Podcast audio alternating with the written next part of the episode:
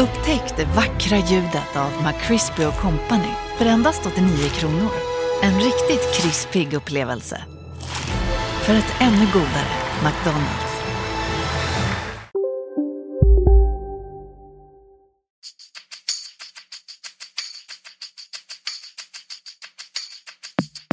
Skönt att komma ut och eh, bara lukta gräset. Så det, är, det är fotboll för mig.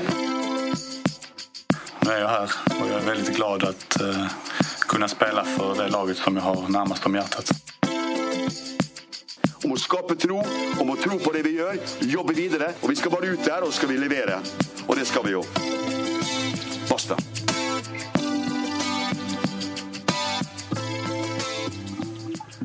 Välkomna tillbaka till MFF-podden. Det här är avsnitt nummer 208. Jag heter Fredrik Hedenskog. Jag har sällskap av Fredrik Lindstrand och Max Wiman. God tisdag. Goddag. Goddag, goddag. Malmö FF är vidare till kvartsfinal i Svenska Cupen efter 3-0 i den avslutande gruppmatchen hemma mot AFC. Jättebra tyckte Jon Dahl Tomasson när han eh, kanaliserade sin inre Allan Kuhn. Eh, delar ni det omdömet om insatsen? Tränare är goda. Det är god intensitet på träningarna. nej, riktigt så bra var det väl kanske inte men det var väl rätt okej.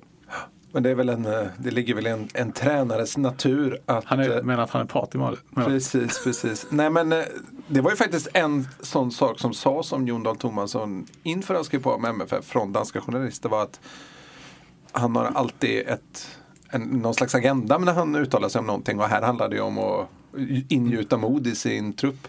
Det var väl, Kanske i sig man, man kan själv säga, också. Ja, precis. Ja, kanske framförallt sig själv. Man kan säga mycket om MFFs gruppspel men jättebra har det väl inte varit. Sen får man, det det finns väl två aspekter man ska ta med. Kanske borde Malmö vara längre framme med tanke på Wolfsburg. Eller, eller så naturligtvis kan de ha påverkats negativt. Men om man också om man tittar på hur gruppspelet har sett ut för andra lag så är det ju inte Det är väl bara Hammarby som har haft riktig motorväg höll jag på att säga. Det är, ja, Mjällby.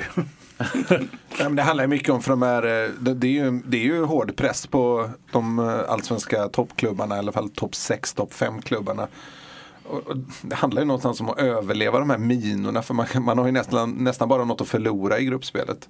Eh, det, det räcker ju med att liksom stå och sova i, i, i första delen av första halvlek mot något division 1-lag och sen så är gruppspelet kört. Liksom. Det, det är små marginaler. Det gjorde de ju. Men det gick ju bra ändå. Ja. Alltså, resultatmässigt. Nej, nej men det kan, det kan ju straffa sig. Nu hade ju MFF en, en väldigt lätt grupp så att det, var, det kunde ju inte gå på så många andra sätt kändes det. Ja, man man ska, ska prata lite om matchen så kändes det som att Malmö började bra mot AFC. Man började i väldigt högt tempo, kvicka passningar. Eh, inte så stillastående, det var mycket större rörelse i laget tyckte jag.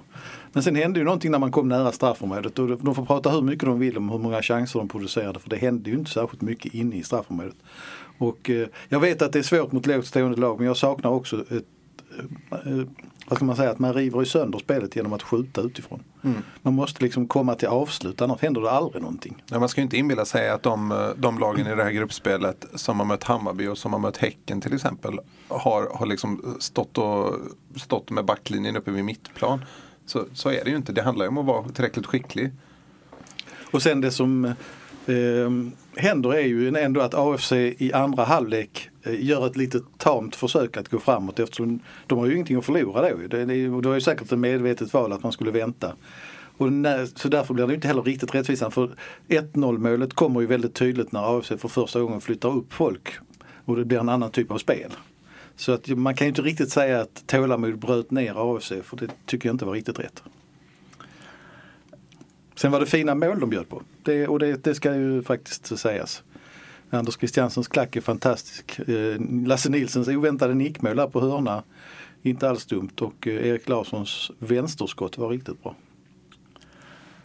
Eh, vi, jag tänker att vi ska diskutera det här rollerna i, i anfallsspelet lite mer. Men om vi ändå börjar med det som på något sätt ändå var den, det stora samtalsämnet efter den här matchen så var det ju Anders Christiansens nya position.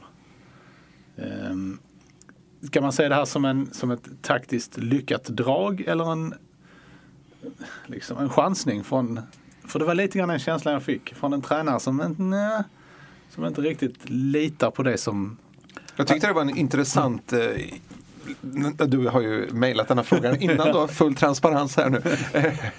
och jag tyckte det faktiskt var ett intressant synsätt som jag, jag faktiskt inte riktigt tänkte på det på det viset eh, från början. Men, eh, men det är ju klart att, att det, det kan ju verkligen ge ger sken av det. Att, att han liksom lite desperat testar det här eftersom det har ju inte testats överhuvudtaget på de här träningsmatcherna innan. Nej, däremot har de tränat, de, eh, de, när de spelade kortare matcher i veckan så, så var en av uppställningarna med Christiansen som, som i den rollen. Eh, och det är lite grann den ofrivilliga anfallaren för han vill ju inte vara där framme själv. Han vill ner och hämta boll men han pratade rätt, så, faktiskt rätt bra också om hur det var olika sätt att löpa som, som vanlig mittfältare och i den här rollen att han måste vara mer explosiv måste, och liksom vila mer emellan för att liksom, det, det är ju mer en, vad ska man säga, en anfallares löpvägar än en mittfältares. Mm. Men eh, om det här ska fungera så tror jag att man måste hitta tydliga roller för, vad ska vi kalla dem, alltså de här halvyttrarna. Eh, Antonsson och Rex i detta fallet då.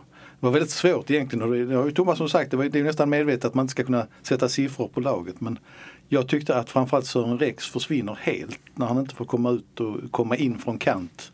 Eh, och det blir, alltså, där någonstans måste man hitta ytterligare en tanke vad det är man vill göra. Christiansen har ju också en liten, i alla fall när han spelar den positionen, känns som en liten förkärlek för att dra sig ut till vänster. Mm. Eh, för att liksom hämta bollar och fördela därifrån. Så det gör ju att Rex hamnar ännu mer i kläm på något sätt. Ehm, jag blev lite förvånad när, när eh, Kristiansen pratade efter matchen om att det här ändå liksom kunde vara ett bra sätt mot lag som försvarar sig lågt. Jag skulle mer tänka att det var tvärtom.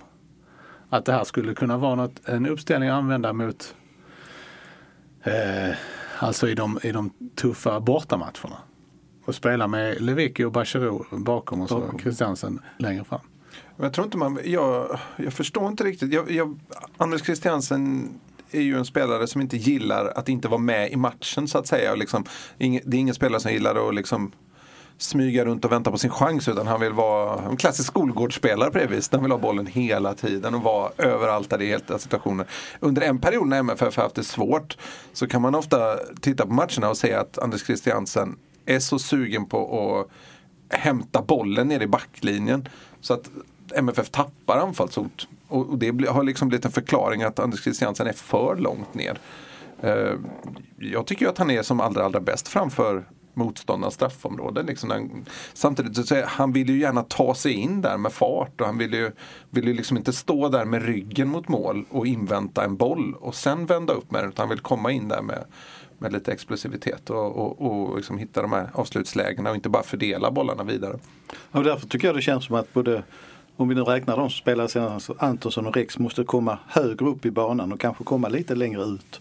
För att, att ge det utrymmet så att det blir, ska vi säga att, att, att Christiansen får ett spelrum någonstans mitt på offensiv planhalva. Eh, om man ska försöka vara lite nördig sådär. Ser, ser ni, för, ser ni några nackdelar med, med att ha, använda Christiansen så långt fram i banan? Egentligen inte. Alltså den stora fördelen tycker jag är att du får in både Lewicki och Bachirou naturligt i laget på mittfältet och att det känns som att de kan fungera ganska väl tillsammans där. Och att, framförallt om man ska titta till form så tycker jag att den trion är bland de starkaste i truppen. Mm. Och då måste man ju utnyttja dem också. Jag tycker egentligen att de ska ligga som en, en rak trea framför backlinjen. Alltså rak, rak och rak men den är ganska vad ska man säga, dynamisk trea framför backlinjen. Där tror jag man får ut bäst av dem. Men det är inte så MFF vill spela riktigt. Sen är det ju sagt att MFF ska anfalla mycket centralt men nu var det ju faktiskt så att uh, man luckrade upp framförallt på högerkanten. Jag tyckte Erik Larsson var riktigt, riktigt bra. Han var ju mer wingback än vad han var i fjol. Han var ju nästan högerytter. Men med rätt, rätt, bättre inlägg och mycket inlägg. Och det, det, var ju egentligen inte det spelet man skulle ha. Men, men det, det gick ju inte bara att spela i mitten för det var ju väldigt trångt. Står det tio motståndare i straffområdet så är det ju och då måste man ju utnyttja ytorna som finns på kanterna också. Som Fredrik var inne på förra gången. Ja, men det är det som jag inte riktigt begriper med, eh, med uppställningen. Varför man vill anfalla på det viset. För att man kör fast och att det har ju helt isolerat Isak Estelin i matcherna egentligen. Han, han, är ju så uppvaktad av motståndare så att Jättesvårt för honom att få tid och yta och göra någonting alls egentligen. Det är ju eh, också ett, ett tecken att vi pratade här i nio minuter om detta innan vi nämnde hans namn överhuvudtaget. Mm. Ja men lite så är det. Han har ju varit, bortsett från den här straffen, ganska anonym. Alltså straffen mot Wolfsburg borta. Men därmed tycker jag när man ser när han väl får boll eller får de här situationerna så är han stark och att det finns en väldigt stor potential i att kunna utnyttja honom. Mm. Ja men så är det definitivt. Frågan är bara om, om det här systemet är, är det bästa för honom. Eller i alla fall så som MFF spelar i det här systemet. När det är så, så mycket folk och så trångt och så tillbakadragna motståndare som i denna matchen så kan jag ibland känna att det hade i alla fall varit intressant att se eh, Molins få några minuter i, i ordinarie omgivning. Eh, han är ju ändå eh, lite bättre på att hantera små ytor än vad mm. Thelin är. Ja, och kanske eh, vad ska jag säga, kvickare med fötterna i straffområdet. Det, absolut. Eh, men om man tittar... Jag hade kanske nästan hellre sett en helt annan anfallstyp i den rollen. Jag hade kanske hellre sett eh, Antonsson i den rollen och få någon mer, vad ska man säga, lite mer Hammarby-aktig version av, eh, av uppställningen. Att få, en, att få den typen av finisher och djupledsspelare liksom på den rollen och, och sen ja, bygga upp med, med mer, vad ska man säga, playmaker-aktiga eh, spelare som ligger i, i, den så kallade trean då. Kanske få in Rakip där till exempel hade jag tyckt varit klockren. Jag, jag tycker egentligen det är märkligt att han har fått spela så lite på den ja, högerytterpositionen och Antonsson har fått spela så mycket. Det känns egentligen som att den är mer klippt och skuren för Akip den rollen än för Antonsson. Som ju inte är den typen av spelare från början. Men jag tycker att problemet ligger lite grann och det kommer att växa här om inte eh, det börjar produceras. Alltså Malmös anfallare gör väldigt lite mål. Eh, och eh, skapar inte jättemycket chanser heller. Och det kommer att bli rop på att det måste in en, en ny anfallare senast till sommaren här. Det, det är jag helt övertygad om. Alltså, mm. Vi kan fortfarande inte peka ut vem som ska göra tio mål i det här laget skulle jag vilja säga. Ja, skulle jag peka ut någon skulle jag nog säga Anders Christiansen. Men, det, men en ny anfallare? Det ryktades ju nu om, eh, såg jag att flera allsvenska klubbar högg på, vi kan inte, eh, tror det var Fotboll Direkt som hade skrivit om Ishak Nürnberg, anfallaren. Den, en sån typ av spelare, det kanske hade passat bra. Men det är liksom att MFF nämns i de sammanhangen, vi behöver liksom inte väga in någon slags tyngd i det, just det ryktet, men att de nämns i sammanhangen känns ju ändå som att MFF är på någon form av jakt där. Man inte är färdig så att säga. Det faktiskt, om vi ska hoppa lite grann där då och tangera årsmötet så gav faktiskt eh, Anders Paulsson en liten öppning där han sa att eh, styrelsen, han uttryckte inte exakt så här så du får inte ta mig för väl, men att styrelsen har meddelat den sportsliga ledningen att det finns medel till förfogande om man anser det nödvändigt. Alltså, inte specifikt för en anfallare alltså, men för att för ytterligare förstärka truppen. Eh, om man återgår till eh, laguppställningsdiskussionen så jag är lite nyfiken på vad ni har för åsikter. Jag har eh, du har en studerat, nej, studerat för lite men alltså exakt. Om vi, om vi nu pratar 4, 2, 3, 1. Så ettan då Kiese som det har varit i de flesta fall. Vad är, vad är den spelarens roll i det här systemet? För jag kan inte riktigt Nej, jag måste erkänna att jag också blir lite förvirrad av det. Och, ja, eh, jag vet inte, för jag har liksom också försökt att titta på sekvenser i matcherna och, och, och, jag har fortfarande väldigt svårt att se det tydliga mönstret i Malmö FFs offensiv. Vem som ska göra vad. Och, och spelarna har ju själva då pratat mycket om den här friheten och så vidare. Men jag vet, jag vet någonstans så känner jag att om man inte är Lionel Messi så ska man inte ha för mycket frihet. Det mår man inte bra av. Man blir här, det kan säkert vara jättebra i en enskild match men överlag så behövs ju tydliga ramar för spelarna. För man är ju inte så överlägsen sin motståndare så att man, man kan liksom få uppdraget att göra vad man vill. Och kanske att eh, det liksom, samtidigt ska man ju inte vara, ha liksom vara bakbunden i sin roll heller så att man inte får göra vissa saker för det ska ju liksom kreativiteten ska ju främjas och sådär men just nu så så är det, ja det finns ju frihet då men det verkar ju liksom inte finnas några direkta direktiv vad man ska göra med den. Kan jag känna. Nej, om de finns så har vi väl inte sett dem riktigt. Nej. I så fall. Jag tycker väl att Thelin är väl alltså, ganska tydligt ändå en uppspelspunkt och en spelare som ska hålla sig i straffområdet. Sen om han är rätt typ för det, det vet jag inte. Men jag tycker fortfarande att... Ja, men tittar man på matchen igår så alltså första 60 minuterna så rör han inte bollen Nej, överhuvudtaget. Eller igår i söndags. Nej jag säger inte emot det. Men jag tycker, Och jag for... menar inte, jag säger inte ont om honom. Alltså, Nej, det är jag systemet som jag... Nej, jag tycker fortfarande problemet är mycket de andra tvås roll. Alltså det här fria spelet för Rex och Anton som de vill säga det igen. Men Men det för, kan- det, för det Malmö har tappat ytterligare, så man ska komma ihåg att Markus Rosenberg har försvunnit. Men det man har tappat med det här sättet att spela det är an, eh, eh, Arnold Traustatssons eminenta samarbete med Sören Rex. För det var ju en av de absolut tyngsta anledningarna till att Malmö gjorde en så bra säsong som man gjorde i fjol. Och jag känner att nu när vi pratar om det så kanske vi har underskattat den här aspekten lite under vintern. Att det är ju nä- närmast en taktisk revolution som pågår i, i, i Malmö FF. Och det, är det är ju inte bara att, liksom, att Marcus Rosenberg har försvunnit utan det är ju som Max säger här också just det Traustason-Rex-samarbetet. Och, och kanske det allra största att MFF inte spelar med två anfallare längre som man har, ju, har gjort i, i x antal miljoner år höll jag på att säga. Nej men det är ju nästan klubbens DNA att spela på det viset. Man minns ju när Roland Nilsson har ju gett sig på att göra ungefär den här förändringen som Jon Dahl Tomasson gör nu. Eh, kan det varit 2008-2009? Han gjorde det. Jag för mig att inför premiärsäsongen på Stadion 2009 så spelade MFF, MFF lite 4-2-3-aktigt. Men då ska ju Bengt Madsen ha ringt upp Roland Nilsson efter någon slags 0-0 match mot Gais eller något sånt där och sagt att nu går vi tillbaka till 4-4-2. Hur vi har Det, sett man vet inte riktigt om det är skröna eller om det är sant. Men vi, vi har sett MFF spela med femmannakedja. ja, oh ja, ja, det är sant. Det är sant. Äh, det fanns, det Jag finns tycker ju, du använder vi väldigt eh, vidlyftigt. ja, är det ni två? Det är inte jag. Men eh, det som jag tycker är intressant i det vi diskuterar nu det är faktiskt att Anders Christiansen ända nere från Marbella och ända fram till nu i helgen så betonar han hur lång tid det kommer att ta att förändra det här spelsättet. Eh, vi har mycket arbete kvar som han uttryckte det senast. Eh, och det är ju kanske klokt att han säger det men det säger också att Men så tycker jag å andra sidan alla säger hela tiden under svenska försäsonger. Ja, det gör det kanske. Men jag, vi har inte hört någon annan MFF vara så tydlig med det i det här. Han, han lyfter det själv utan att man Ja, frågar honom om det. typ. Eh, Och med tanke på hur vårsäsongen ser ut så vet i 17 om Malmö FF har råd med att ha för mycket arbete kvar.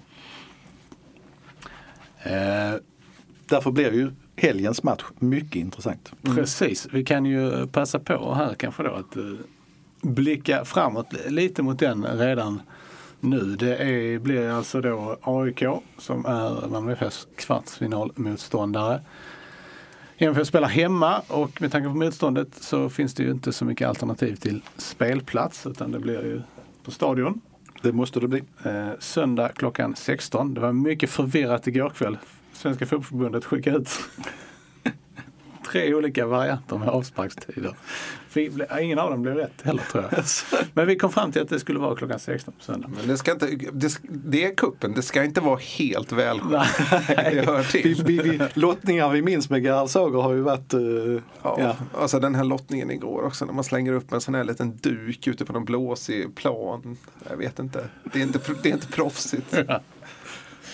Det är, det är lite gott också. Ja. Det är lite så här mot den moderna fotbollen Nej, men- demonstration på något Det sätt. väldigt eh, skön livekänsla i det hela. Ja, precis. Någon, någon som står Två- på en äng och säger Två, två heter de, mikrofoner pekande åt lite olika Ja, precis. Och någon som står och säger ja men eh, Hammarby kan väl möta ja, ja, Elfsborg. Ja, Okej. Det, så jag, jag är tyst för jag var till. på handboll. det är så lottningen går till ungefär. Eh, men eh, Fredrik, Ja, Du har ju eh, då haft lite tid i alla fall att eh, sätta dig in i AIK 2020. alltid lika roligt. Ja. vad, Ska ta vad, fram finns, mitt pergament. vad finns att säga om, eh, om motståndet? Det, precis som MFF kan man väl säga att AIK har, håller på att förändra ganska mycket. Eh, efter fjolårssäsongen så var det, surrades väl lite grann om Rickard Norling verkligen skulle leda det här laget som någonstans kanske lite stod och stampa 2019.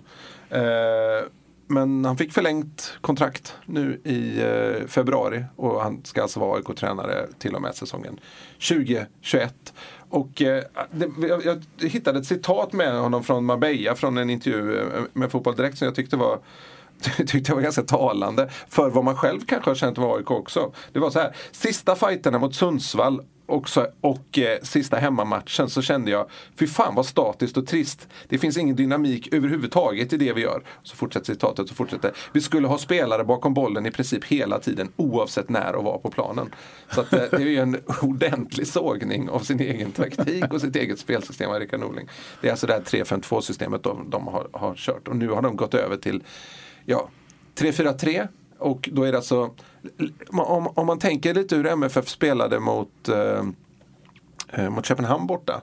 Så tre backar, fyra mittfältare och så två kreativa spelare framför där och så en ensam anfallare på, på topp. Den ensamma anfallaren blir ju Goitom då eftersom Sigurd Thorsson är skadad, långtidsskadad förmodligen. Eh, det vet man inte riktigt hur länge han är borta eftersom AIK som MFF inte säger så. Vi kommer tillbaka till det senare. Men eh, där någonstans är det och de, de har gått över till ett väldigt man-man anpassat eh, press och försvarsspel. Vilket ju också är en rätt stor förändring. Det är väl kanske framförallt den allra, allra största förändringen. Men de ska, AIK ska bli hungrigare, de ska bli attraktiva och spela, de ska bli attraktiva uttalat faktiskt för att locka folk till arenan, spela en roligare fotboll.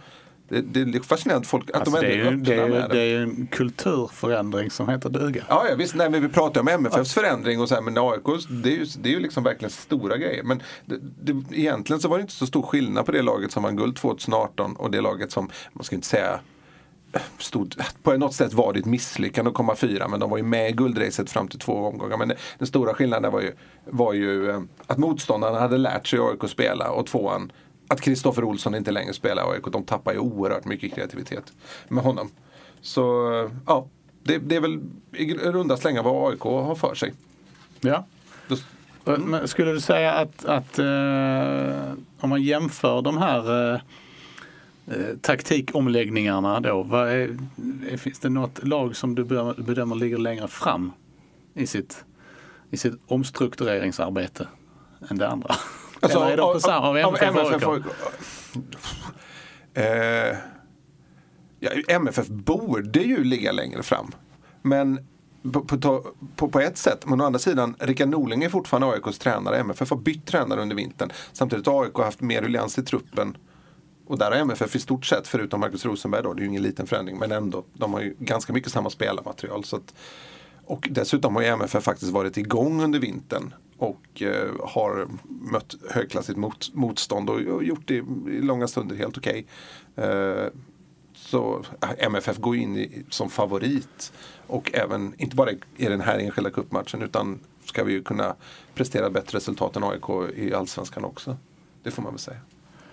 Max, tror du att det är eh, bra, var det eh, liksom en bra, det vill säga lämplig lottning för MFF? Eller hade det varit bättre med, med säg Elfsborg eller, eller Falkenberg? Spontant när jag hörde det så tänkte jag att det hade varit bättre att de hade fått möta dem.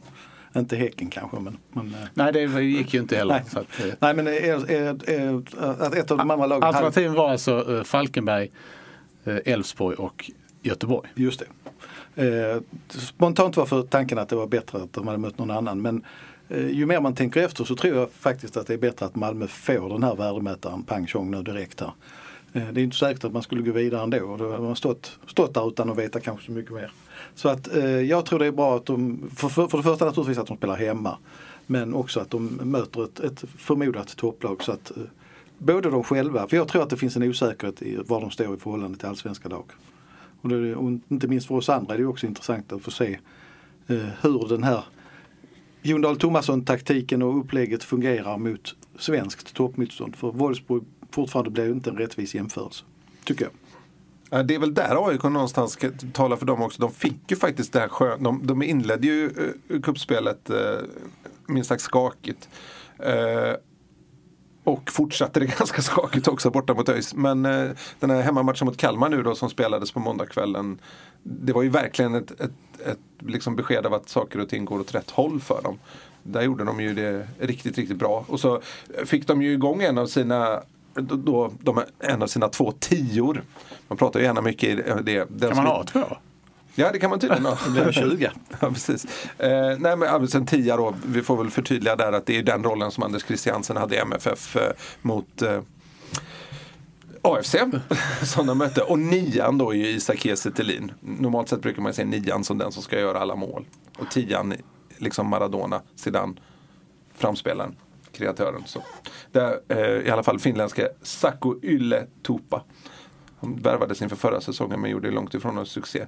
Det var väl i stort sett alla nyförvärv AIK värvade förra året blev ju mer eller mindre, äh, man ska inte säga misslyckade, men det var ingen som gjorde någon direkt succé. Karol Metz kanske gjorde det bra. Men eh, ja, det ska bli, det ska bli jäkligt spännande att se. Han, inte, han kanske gjorde det bra. Ja, ja, men vad ska man säga, det var inte, det var liksom, han var Nej, inte, han var alltså inte med i årets lag direkt. Nej, och, och mittbacksvärvningar har en tendens att kanske inte... Det brukar inte bli de stora rubrikerna. Nej, det blir väl inte riktigt så. Det får ju, då är, det får ju sådana. Ja, i och för sig, Robin Jansson hade vi ju. Det var ju mannen som kom från, som helt sanslöst kom från Dalsland och kunde spela fotboll. Men ska man titta på, om vi nu liksom ska återvända till Malmö så att det inte blir liksom bara Stockholm. Nej, men, Ja, nu pratar vi om Dalsland. Eh, om man ska titta på kupplottningen i stort så finns det ytterligare ett steg då. Då kan man ju säga så här att om Malmö nu slår AIK så är det ju drömlottning sen att få möta vinnaren av Mjällby och Falkenberg och slippa. Strandvallen borta. Är det, det är ju aldrig en dröm för en. Alltså jämfört med Tele2 Arena borta möta Hammarby eller Nej, Pest eller kolera alltså. det, Nej men det, alltså ska man se det som en, som en kuppväg framåt så, så tror jag det, det var en, rätt bra variant där.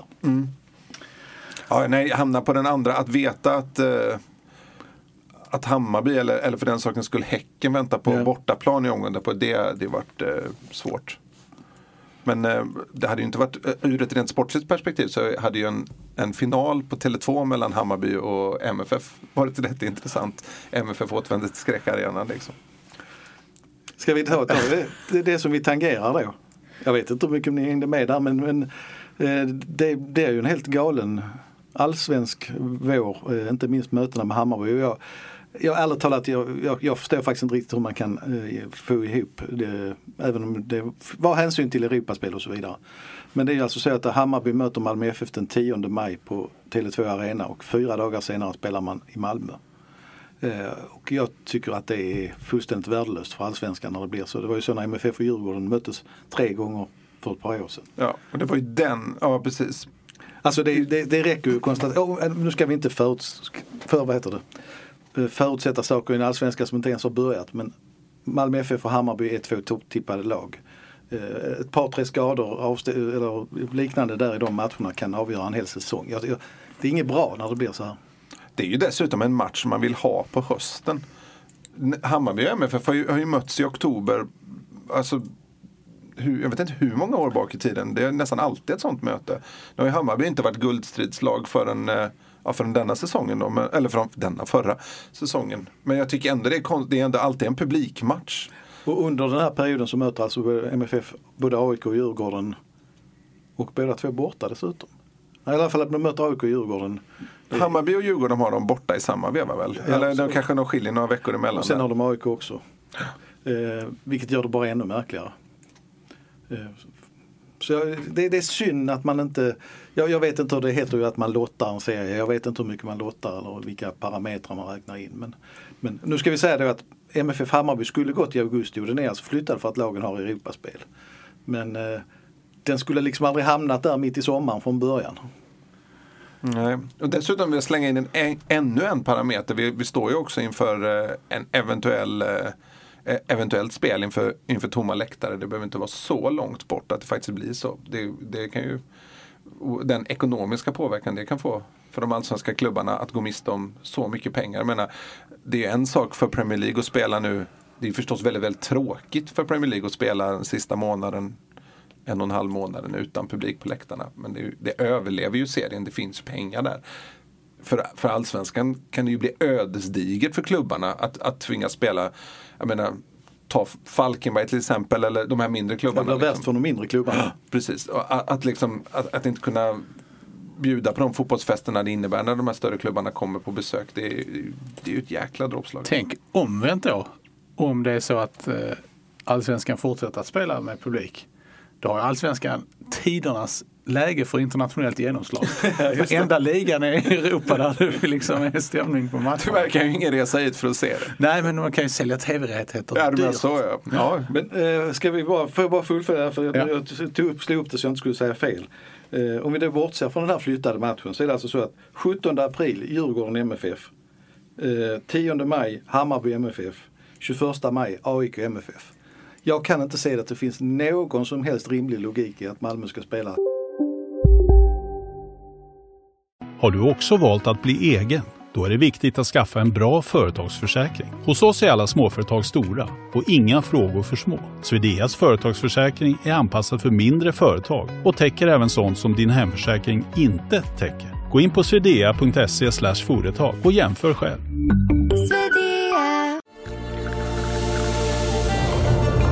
Välkommen till Maccafé på utvalda McDonalds restauranger med Baristakaffe till rimligt pris. Vad sägs om en latte eller cappuccino för bara 35 kronor? Alltid gjorda av våra utbildade baristor.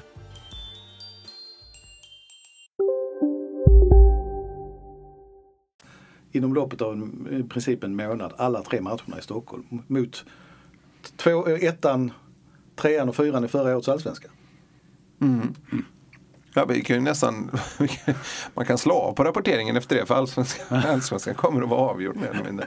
Nej, jag tycker det är mycket märkligt måste jag säga. Och natur, viruset är något mycket allvarligare och som vi inte kan Ingen av oss kan veta var det landar men det är klart att det, det som Fredrik säger skulle det ju slå oerhört hårt eh, då dessutom om de här matcherna. Jag, jag förstår bara inte varför det har blivit så här faktiskt. Om vi ändå i detta läget nöjer oss med att titta på matchen mot AIK. Eh, vad eh, ser ni någonting jämfört med den, eh, den elvan som startade mot AFC? Kommer det bli några förändringar? Jag vill ju se Traustason på planen helst. I alla fall. Och givetvis Rasmus Bengtsson. Eh, vars status vi då inte vet någonting om enligt den nya tidräkningen. Och Traustadssons status, Vet vi inte heller Nej, nej, inte. det vet vi Han inte. kom ju i alla fall in mot AFC. Så att det måste ju ändå vara... Han fick en smäll där direkt igen. Ja, Men, men han spelade ju vidare. Så ja att det, precis. Nej, det är ju lite... men vi, vi kan ju däremot konstatera att eh, eh, utan att ha en aning om någonting så ju Inge Berget spelar ju inte den närmaste tiden. Det, så är det ju. Det är Ingen, man, Hur är det med hans skada? Nej, det Ingen som vet? Ingen som vet. Han, han har inte synts till på planen. Det kan ju vara den enkla värdemätaren så här långt. Ponke Innocent, hur är det med hans skada? Han är ute på planen. Ja? Okej, vad har han haft för skada? Ingen som vet? Eh, jo, där, så långt visste vi väl faktiskt att det var någon, en överansträngning i ett lår tror jag. Okej. och Fori är frågetecken i AIK. Ja, vad har han för skada? Han gick av i paus. Och åh, hur var det? Han hade en en oh, fan, det, var, det var också sånt där helt sanslöst uttryck, Rickard Norling. Det, var, alltså det låter som att han har fått en känning i, i, i låret men det var en krampaktig tendens i underkroppen tror jag det var. Något sånt där. Nej, det var makalöst. Det, det, det, tiden är ju led. Så länge vi vet någonting så, Dusan Melicharek har ju haft problem med fot hela våren. Han fanns ju inte med nu heller. Han är på bättringsvägen har tydligen fått kortisonsprutor i foten. Eh, och har väl suttit på bänken, eh, alltså fast han inte borde ha gjort i några matcher tidigare. Och det säger ju en del om hur, hur man upplever situationen i Malmö FF bakom Johan Dahlin. Var det ett brott mot GDPR här nu? Ja, inte. Ja, reservmålvakter går inte under GDPR. Nej, det är bra. Jag har faktiskt pratat med honom själv. Så det. Ja, man vet aldrig nu för tiden. Ehm, Men eh, jag tänkte på Traustason sa du Max, vem, vem ska han ersätta då? Ja det är lite svårt eh, hur man ska resonera. Men ska du se det här systemet rakt av så just nu är det ju, tycker jag, Sören Rex eftersom han inte fyller någon riktig funktion i det här systemet. Jag tycker det är jättetråkigt. Och jag, jag vill gärna se Antonsson ett tag till faktiskt. Tror ni att Christiansen kommer att spela på samma position igen? Jag hoppas det. Men jag vet inte. Ja, men det tror jag nog. Eh, Det skulle vara väldigt märkligt annars. Dessutom har ju MFF alltid möjligheten att om han är inspelad på den positionen att kunna vara ganska flexibla, både i- varierade i matcher och under matcher om man vill plocka ut Oskar Lewicki och sätta ner Anders Christiansen och lyfta in eh, Adi Nalic eller vad det kan vara. också, för övrigt också märkligt då att satsa så hårt på Adinalic och sen när det väl drar ihop sig då så, nej. Då, eller drar ihop sig. Man kan Han var ju med mot Wolfsburg. Ja precis, det kan man ju säga att det var, det var ihopdraget också. Men det var, nej, jag vet inte. Det, man kan säga som så har var en misslyckats i den satsningen? Eller var det, var, det den, var det det långsiktiga tänket som fanns där? För det hade varit rimligare att inte spela honom mot Wolfsburg och spela honom mot AFC. Kan jag ju tycka. Ja, kanske framförallt i andra matchen då man tyckte att man saknade den här offensiva kreatören i Anders Christiansen. För om vi, om vi bara ställer upp dem head to head så att säga så är Anders Christiansen bättre i stort sett alla parametrar. Mycket parametersnack idag. Ja, tycker jag. härligt. Det är bra. Är saknat. Ska bli spännande att se hur stadions plan är nu förresten. För den var rätt så risig mot Wolfsburg tyckte jag i alla fall. Hur, eh, Parentes. parameter. Inte ri- risig, ris, risig är fel uttryck men den, eh, den, sl- den eh, blev rätt mycket. Den höll inte världsklass. Nej, det kändes inte riktigt. Men ändå bättre än Västra Mark i Karlskrona. eh, hur mycket folk tror du att det kommer? Det är också väldigt svårt att säga. Kan nog bli en 7-8 tusen i alla fall va? Det känns som att Hänger på alltså, bara, också. ja, men bara, liksom spel, bara arenan gör ett par tusen i Ja. påslag, gör inte det? Ja, men det är lite synd ändå att han inte spelas Malmö IP. Man hade ju velat ha det tajt och tätt och sådär. Det blir ju liksom en liten annan men det går ju inte när det är med bortaklack och så vidare. Liksom att det, Man klarade ju av IFK Göteborg där faktiskt i en cupmatch men jag tror inte men där var ju säkerhetszonerna enorma. Ja. Det kändes ju nästan fånigt liksom. Men jag kan inte tänka mig, jag är helt övertygad om att den går på stadion. Det kanske redan står ute. Ja, det stod på MFFs hemsida. Ja, det, Företagsnamnet och stadion stod det där. Hur lång, tid, hur lång eh, invändningstid behöver man där tror ni? Innan man börjar säga. Ja, vi, säger inga, vi, kan inte, vi, kan inte, vi kan inte uppge några tidsramar för det. vi kan väl bara konstatera att vi har bestämt oss för att vi ska, vi kallar det stadion. Okej. I likhet med andra arenor i vår närhet. Eh, faktiskt. Ja. Alltså att, att vi kallar dem stadion men att vi kallar dem vid till exempel bara aren, Arena. arenan i Lund. ja, men det hänger ju lite grann på att arenan i Lund i, av tradition har haft Sveriges längsta arenanamn. Inte riktigt lika långt nu längre men eh, fortfarande ganska långt. Um, det, nu tänkte jag att vi skulle eh, också eh, prata lite grann om det årsmöte som var i fredags. Max, du som var där. Eh, kan du sammanfatta detta på 30 sekunder? Nej, jag bara skojar. Du får lite mer tid på dig. Med tanke på att folk satt och skruvade sig i stolarna och konstaterade att det var nog tidernas längsta årsmöte utan att särskilt mycket vettigt sades. Så, nej, det är lite elakt. Men eh, ska vi hoppa över det här med ekonomin? Jag tror vi har redovisat det mesta. Det fanns lite fler detaljerade siffror vad det gällde intäkter men jag tycker inte det är någonting som sticker ut sådär. Utan bilden är ju fortfarande att ekonomin naturligtvis är väldigt stark men att ett, eh, eh ett år utan Europapengar och eh, eh, spelarförsäljningar kan innebära 40 miljoner i förlust. Så är det faktiskt. Och sen vet ju fortfarande ingen vad som kommer att ske med det nya Europaspelet. Eh, som då eh, börjar först nästa år.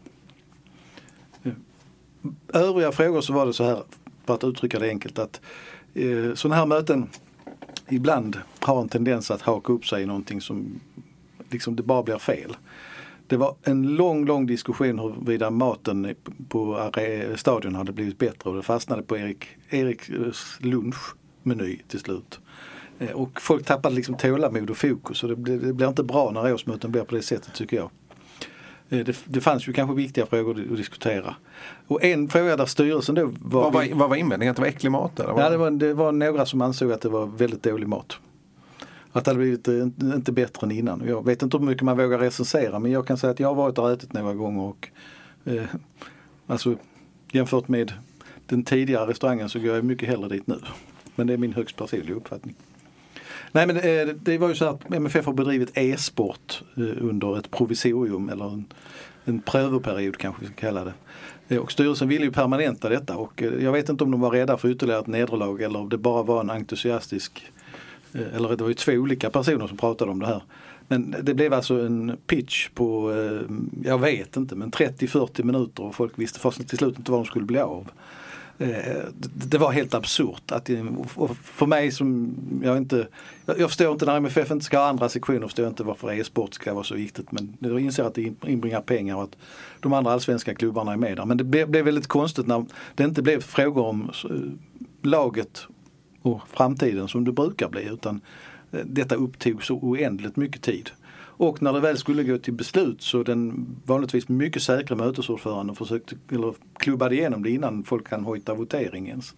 Och var väldigt irriterad över att folk ville ha votering och det blev ännu märkligare då för då kändes det ungefär som att det här skulle igenom snabbt.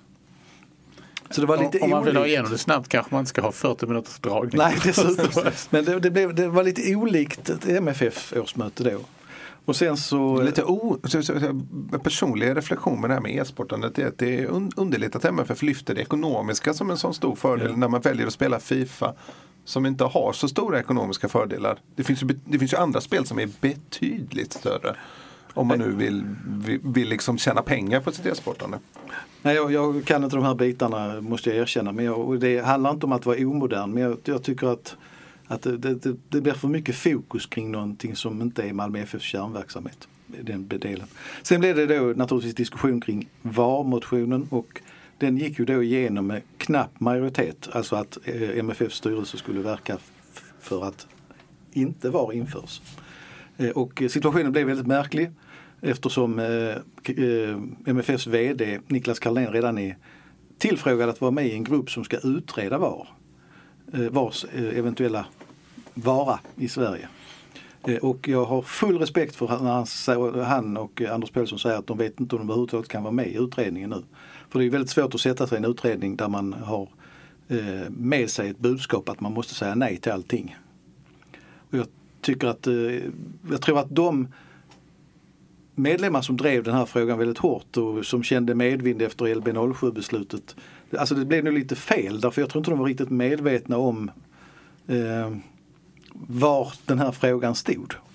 Eh, sen är det en helt annan fråga och den är, kanske vi inte ska ta här. Vi, vi pratade om det förra gången om medlemmar verkligen eh, Ska, eh, ska, om det är den typen av frågor man ska diskutera. Men jag tror att beslutet, man kan säga så här att beslutet på vad det gäller LB07 blev till slut helt legitimt. Det var en väldigt stor majoritet och jag tror att hade fler medlemmar röstat så hade utgången blivit ungefär densamma. Däremot så tror jag att om en större del av medlemsstocken än, än de kanske 2-3 procent som nu faktiskt röstade eh, hade fått sätta sig in i den här frågan så hade de definitivt skickat, hade det varit mycket troligt att de hade skickat eh, att, att styrelsen skulle vara med och utreda det här. Men där tänker jag, Fredrik, du pratade ju förra gången om, om, om eh hur VAR, eh, VAR-maskinen har misslyckats med sin marknadsföring. Mm. Att, eh, att påtala de positiva effekterna av detta. Och här är det lite samma. Här kan man känna att MFF kanske har informerat lite dåligt om, om ja. var, var i processen man befinner sig. Ja. Sen hade de ju inte direkt hjälp av att ha fått ett VAR domslut emot sig veckan innan som kom att spela ganska stor roll för det fortsatta spelet i Europa. Alltså det, det, blir också lite, det blir ju lite vanskligt när, när en sån sak kan avgöra ett sånt stort beslut. Att det står och väger på, på en sån sak. Vi måste betänka så att UMFF kanske har 5 500 röstberättigade medlemmar. Det var 189 som röstade för att VAR ska stoppas. Alltså, det är det här som är föreningsdemokratins dilemma när det blir de här frågorna.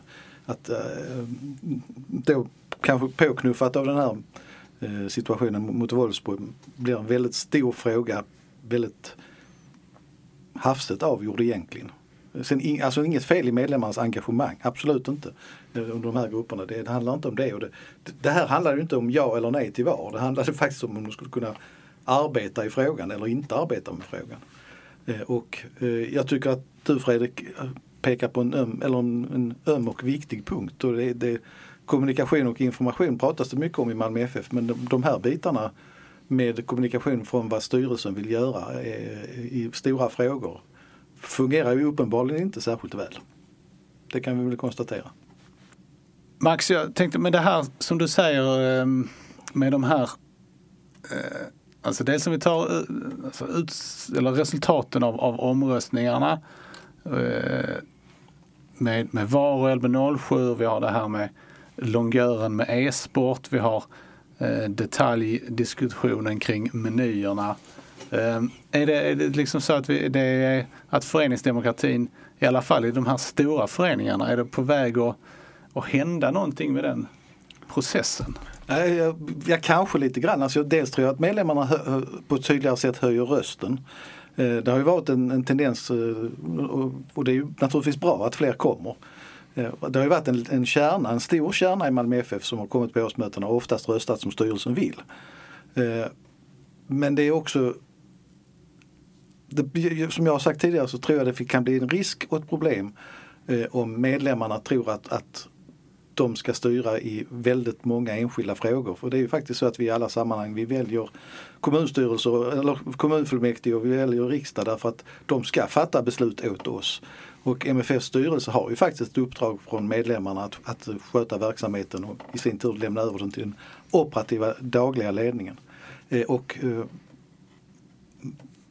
jag tror att jag har nämnt det vid något tillfälle tidigare men eh, den så tragiskt avlidne Håkan Jeppsson ut, uttryckte ju väldigt stark tro på föreningsdemokratin men också en oro för att just det här skulle börja hända att eh, i vissa fall då små grupper eller små röstetal skulle kunna påverka verksamheten väldigt stort.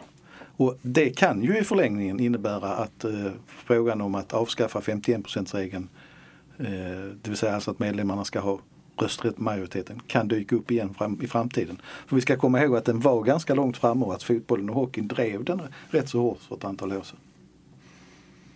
Nästa årsmöte så kommer det in en motion om, eh, meny, någon motionerar om ett menyförslag på Eriks restaurang. Um, Nej, men det, det är ju en charm att det dyker upp alla möjliga frågor på ett årsmöte men det, det, det får inte heller Ja, som sagt jag tyckte att sporten kom i skymundan. Men hur är man, eh, hur ser det ut i stadgar? Är man skyldig att behandla alla motioner ja, det, kommer in? Ja, det. Mm. Oavsett vad de handlar om? Ja, ja. Men sen kan man ju konstatera att det är en fråga som inte kan behandlas, alltså, men, men man måste ta upp dem. Ja. Eh, jag eh, har inte så många fler frågor att ställa. Har ni fler svar att ge? Nej, vi tycker väl att vi, får, vi ska på söndag äntligen få ett svar för nu kan det väl knappast vara något annat än så. På söndag får vi ett svar var Malmö FF 2020 står. Tycker jag. Verkligen. Och en fråga som vi kan avsluta att prata om men som man inte längre får något svar på är ju den om man undrar om någon spelare är skadad. Ja. Fråga får man väl göra men svar ja. får man inte.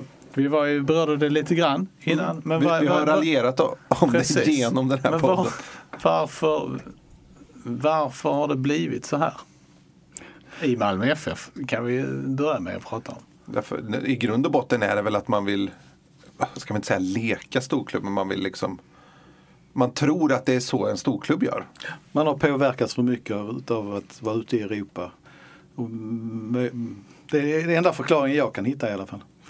Eh, man kan väl säga så här att eh, princip är, princip, om vi ska uttrycka enkelt då så ska ju Malmö FF då bara tala om om spelarna likt hockeylag då har en överkropps eller underkroppsskada. Man ska inte ge några prognoser och så vidare. Eh, vilket, ja. Det jag kan tycka är bra det är att nu får vi ett väldigt tydligt ställningstagande till att förhålla oss till. Jag tror att det kommer medföra att vi bevakar Malmö FF en aning mindre. Faktiskt. Eh, därför att det finns ingen, det är ingen mening att ställa de här frågorna längre. Det är inte lika meningsfullt att på, eh, efter en träning ta upp vad som har hänt. Eh, och det, det, det kommer att få effekter och det, det, spelar inte mig någon roll. Det är lätt att tro att det är vi. Jag tycker synd om de som följer Malmö FF. Jag tycker att det är en, eh, det är en underhållningsindustri, eh, fotboll. Saker och ting, alltså Joey Inga Berget han landade fel på gräsmattan i Karlskrona inför väldigt många människor. Eh, och det finns en logik i att man undrar vad som egentligen hände. Jag tycker inte det är det minsta märkligt. Jag tycker det är lite underligt också att man, att man, att man hänvisar till spelarna som privatpersoner. Det är liksom ingen som frågar när vi sitter och frågar en spelare hur känslan är inför match, att vi vill ha svar på om det är bra i förhållandet till, till spelarens sambo eller något sånt där. Utan vi, vi undrar ju om hur känslan är som yrkesman. Ja. De är ju inte på plan i Malmö FF som privatpersoner. Nej, vi frågar inte eller hur, hur skadan påverkar. Kunde du gå och handla igår? Nej. Nej, det, alltså, det här är ju en, det är en del av det. Och jag har som sagt många gånger tidigare, jag värnar definitivt inte om spel. Alltså spel och dobbel. Men eh, det är ju faktiskt en rätt väsentlig information för eh, eh, de som spelar att veta vilka som är aktuella för spel och inte kan spela och så vidare. Och det senaste nu har ju varit, även om Jon Thomasson har lovat att han ska lämna truppdag före match till Allsvenskan. Så återigen till cupmatchen nu så fick vi ingen trupp innan heller och det innebär ju, det är ytterligare ett steg där att att minska informationen. eh, Jag är inte förvånad, eller jag tror ingen av oss är förvånad eftersom vi har sett den här tendensen på många områden tidigare. Samtidigt som vi säger att visst MFF har en öppenhet att vi kan prata med spelare och så vidare. Men, men alltså jag kan bara ta ett exempel, jag var på handboll igår. Eh, eh, Alingsås målvakt fick en straff i huvudet. Eh, och Hampus Olsson i HK Malmö fick rött kort för det.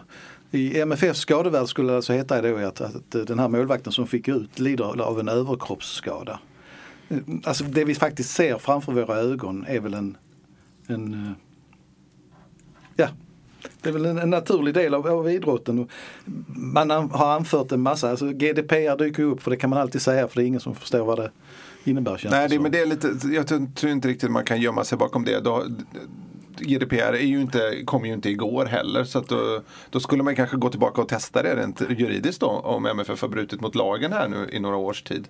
Det hade ju varit intressant i sådana fall. Men det, det, här, det här, på, på tal om att motionera om så kallat små frågor. Det hade varit intressant att se en mot, motion till nästa års möte om att MFF ska gå ifrån principen av att prata om eh, det, det är ju en motion som är lika rimlig som, som om meny, alltså Ja, som absolut. matutbudet på Eriks i alla fall. Att säga att eh, den klubben som eh, jag är medlem i, den ska berätta vad det, om spelarna är skadade. På, förstås på en rimlig nivå liksom. Men det, Ja, och sen kommer det här hockeysnacket in att oh, det kan vara så att spelarna satsar på att de vet att han har brutit ett revben så då tacklar de honom där. Men alltså, det är inte riktigt den bilden jag tycker jag ser i fotbollen generellt. Eh, och dessutom har man ju, vilket vi undrade lite grann över, Fredrik, både Fredrik och jag, att man anför försäkringsfrågor. Eh, Att eh, försäkringsbolagen följer vad som skrivs i media om skador och noterar att det kan bli dyrare premier och så vidare. Vill man mörka detta? mm, ja, det är det som är det intressanta eh, i detta.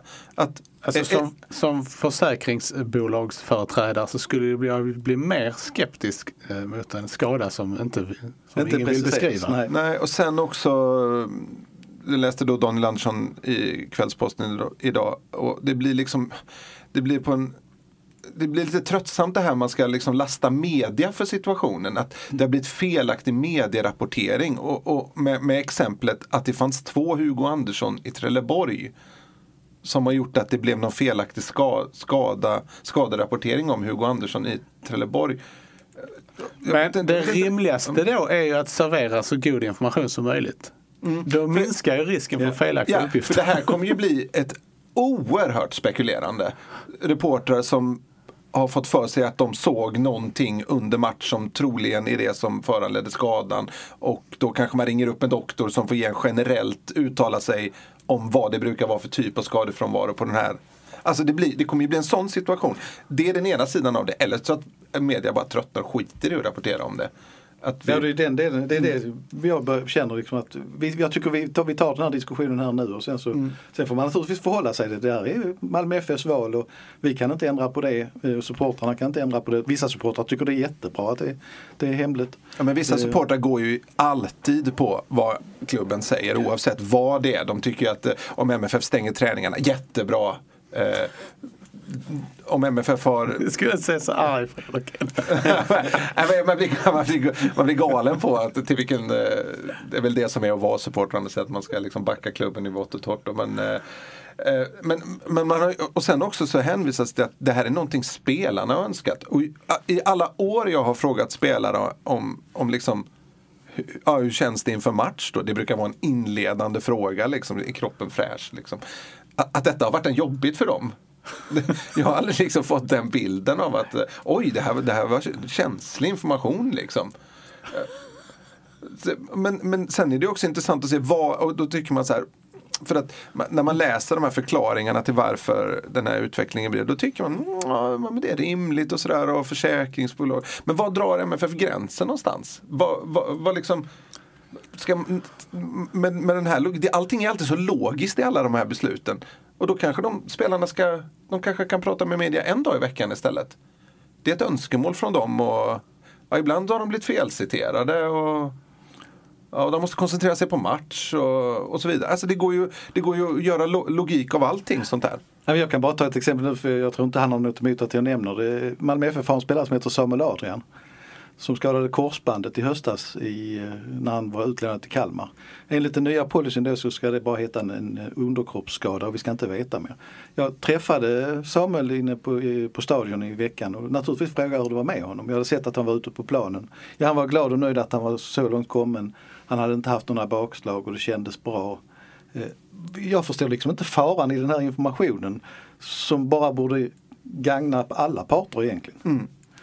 Nej, men det, ja, det, det är ju helt sanslöst där också att, att Malmö FF har vunnit 20 SM-guld under perioder då man alltså har delgivit media information om spelarnas skador. Det framstår ju nästan som världsrekord på något sätt. Men det, för det blir ju, men det, blir, det är en tråkig, sen när Isak Kiese skrev, skrev på för MFF så kunde han inte träffa media i 10 minuter men, men han hade tid att ta 200 bilder och en fräck drönarfilm presenterades. Och en kvarts öppen träning nyligen stängdes och blev till två minuter. Och eh, MFF har under flera års tid skrivit upp felaktiga startelveformationer. Med vilja antar jag. Eh, det, det, blir liksom, det, blir, det blir grej på grej på grej.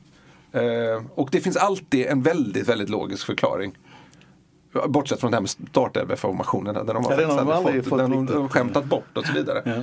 Men, och, och så, men man vill kommunicera med hemsidan då, säger man hela tiden. Men, men kan man lita på den till 100% eh, som, som supporter? Vi kan titta på Romengall-fallet. Nu, han var med i en, eh, han var inte med i, på plan i U21-matchen. På MFFs hemsida står han uppskriven står på bänk, att han var på bänken. På Svenska fotbollsförbundets hemsida så är han inte med på bänken. Så, vad, vad är rätt där egentligen? Och all sån information kan du inte, ja, du kan ringa upp folk men du, du, du kan aldrig ställa följdfrågor till en hemsida. Det är, det är liksom... Eh, eh. För, men, för, det, är trå, det är tråkigt, i, i en allt mer likriktad fotbollsvärld eh, det, är ganska väntat vilka som går långt i Champions League, vilka som toppar Premier League och La Liga och så vidare. Där står ju faktiskt allsvenskan för något genuint och, och, jag ska inte säga unikt men i alla fall speciellt. Eh, att vi kan få vara nära klubbarna, att allsvenskan är spännande, att det är liksom vår liga och, och så vidare. Och så, och så väljer klubbarna det, för det är inte bara MFF detta utan det är även AIK och IFK Göteborg gör så här nu. Att gå åt, åt helt andra hållet, det tror jag är självmål. Men jag tror att eh, Max har ett exempel på en, en svensk klubb som gör på ett annat sätt. Ja, nu vill jag idka lite högläsning. Nu får du klara en minut här. Johan Hammar fick chansen i start mot matchen, i matchen mot Eskilstuna i lördags. Men efter bara en halvtimme blev han utburen på bår med befarad ljumskskada. Idag står det klart att Hammar missar den allsvenska vårsäsongen.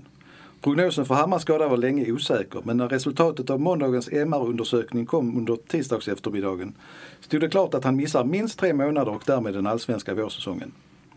Johan har ådragit sig en ljumskskada som kommer hålla honom borta från spel i 3 till 4 månader. Skadan är av den art som inte opereras och prognosen är, för den är god. Efter rehabilitering återhämtar sig ljumsken bra, både när det gäller rörlighet, styrka och funktion i de allra flesta fall, kommenterar fysioterapeut Patrik Gassarian. Detta är hämtat direkt från Häckens hemsida eh, och jag noterar att Häcken har en tidigare mycket duktig journalist som eh, pressansvarig. Mm. Och då kan man säga så här. Malin Jonsson. Ja, och då kan man invända då, ja men Häcken de har ju inte alls lika mycket eh, uppmärksamhet och stort intresse som MFF. Förvisso. Men eh, skruva tillbaka klockan några år innan Häcken hade den här typen av kommunikation via sin hemsida vilken uppmärksamhet de hade då. Nästan ingen alls. De har ju, de har ju liksom verkligen pockat på uppmärksamheten i Göteborg. Förstås i samband med att de gör bättre sportsliga resultat. Men ändå, alltså, att de har plockat andelar mediamässigt beror ju på en, på en välkomnande atmosfär och att göra jobbet för media enklare. Det är ju det det handlar om. Man slipper ju också som, som förening en väldig massa frågor ja. när man gör så här. Alltså det som, just det som, som MFF med flera verkar tycka är det allra jobbigaste. Mm. Det slipper man ju genom att vara tydlig i sin information. Och vi kan väl konstatera att tolkningen av GDPR är rätt olika va? Det kan inte vara... Nej, Hisingen är, är undantagen GDPR. Mm. Nej, det är, som lyssnare så hoppas jag ni förstår att det är vi... Alltså om GDPR vore in effekt så skulle ju Per Herbertsson sitta i fängelse. Alltså, skulle ju, han, skulle ju, han skulle ju sitta på 30 år.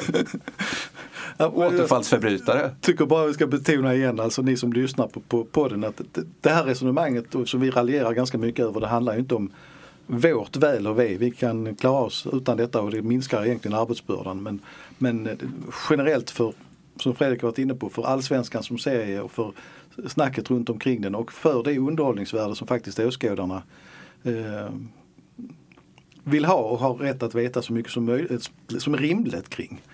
Eh, så är det, det, är därför vi pratar om det här. Och sen finns det alltid de som, som tycker att allting som klubben gör är rätt och att man, vi är dumma som lägger oss i det här överhuvudtaget. Eh, men jag tror inte att majoriteten av, av följare tänker så. Nej. Det var en svada där. Ja, det var ju skönt. Eh, då så tänker jag att vi eh, återkommer i nästa vecka. Eh, när vi äntligen har fått något sorts svar från Malmö FF om hur, var de står någonstans. Eh, det här har varit avsnitt nummer 208 av MFF-podden där vi anser att konstgräs ska förbjudas i svensk elitfotboll. Jag heter Fredrik Hedenskog. Jag har haft sällskap av Fredrik Lindstrand och Max Wiman och ansvarig utgivare är Pia Renqvist. Tack för oss. Hej hej! Hej hej!